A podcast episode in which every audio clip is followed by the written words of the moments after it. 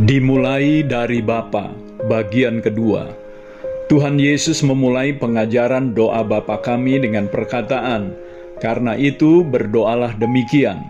Perkataan ini untuk menunjukkan bahwa kita harus berdoa dengan motif, sikap, dan tujuan yang berbeda dengan orang-orang munafik serta orang-orang yang tidak mengenal Allah.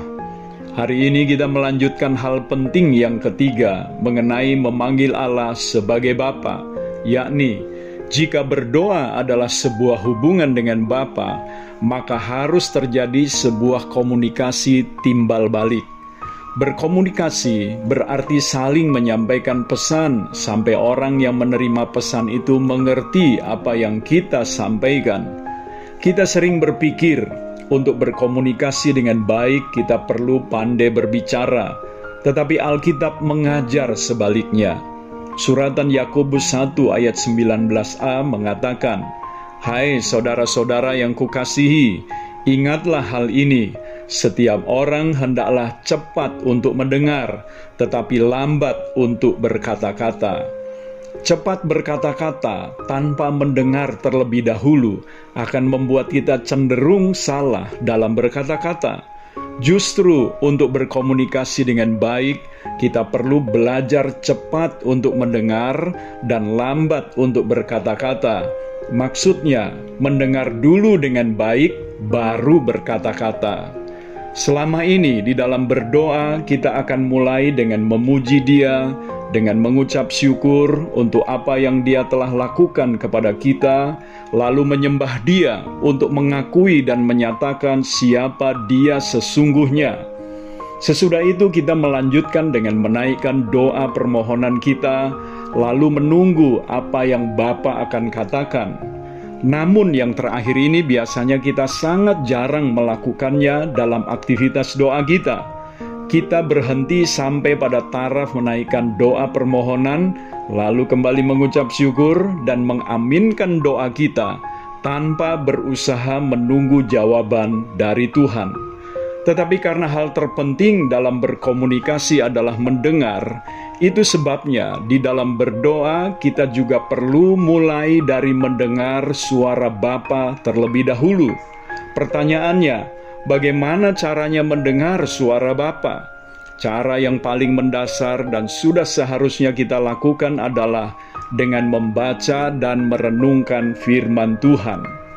Di sinilah pentingnya kita membaca Alkitab secara teratur dan membuat catatan-catatan tentang apakah maksud dari teks firman Tuhan yang kita baca, apakah ada teguran Tuhan buat kita, apakah yang Dia ingin agar kita melakukannya dengan segera, dan sebagainya.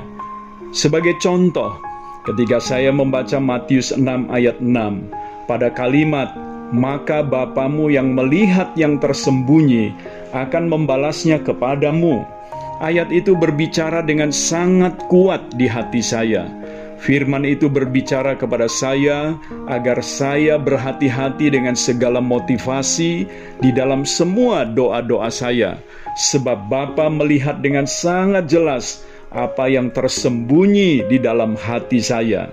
Ayat ini membuat saya menjadi takut dan gentar kepadanya. Sebagai tanggapan atas ayat atau perkataan Tuhan Yesus ini, maka saya mengucap syukur saya memuji Dia untuk perkataannya. Saya berterima kasih untuk peringatan, nasihat, dan tegurannya kepada saya. Lalu di dalam doa, saya memohon kepada Bapa supaya Dia mengaruniakan Roh Kudus senantiasa untuk menuntun saya hidup benar di hadapannya. Itulah salah satu cara saya berkomunikasi dengan Bapa di dalam doa saya.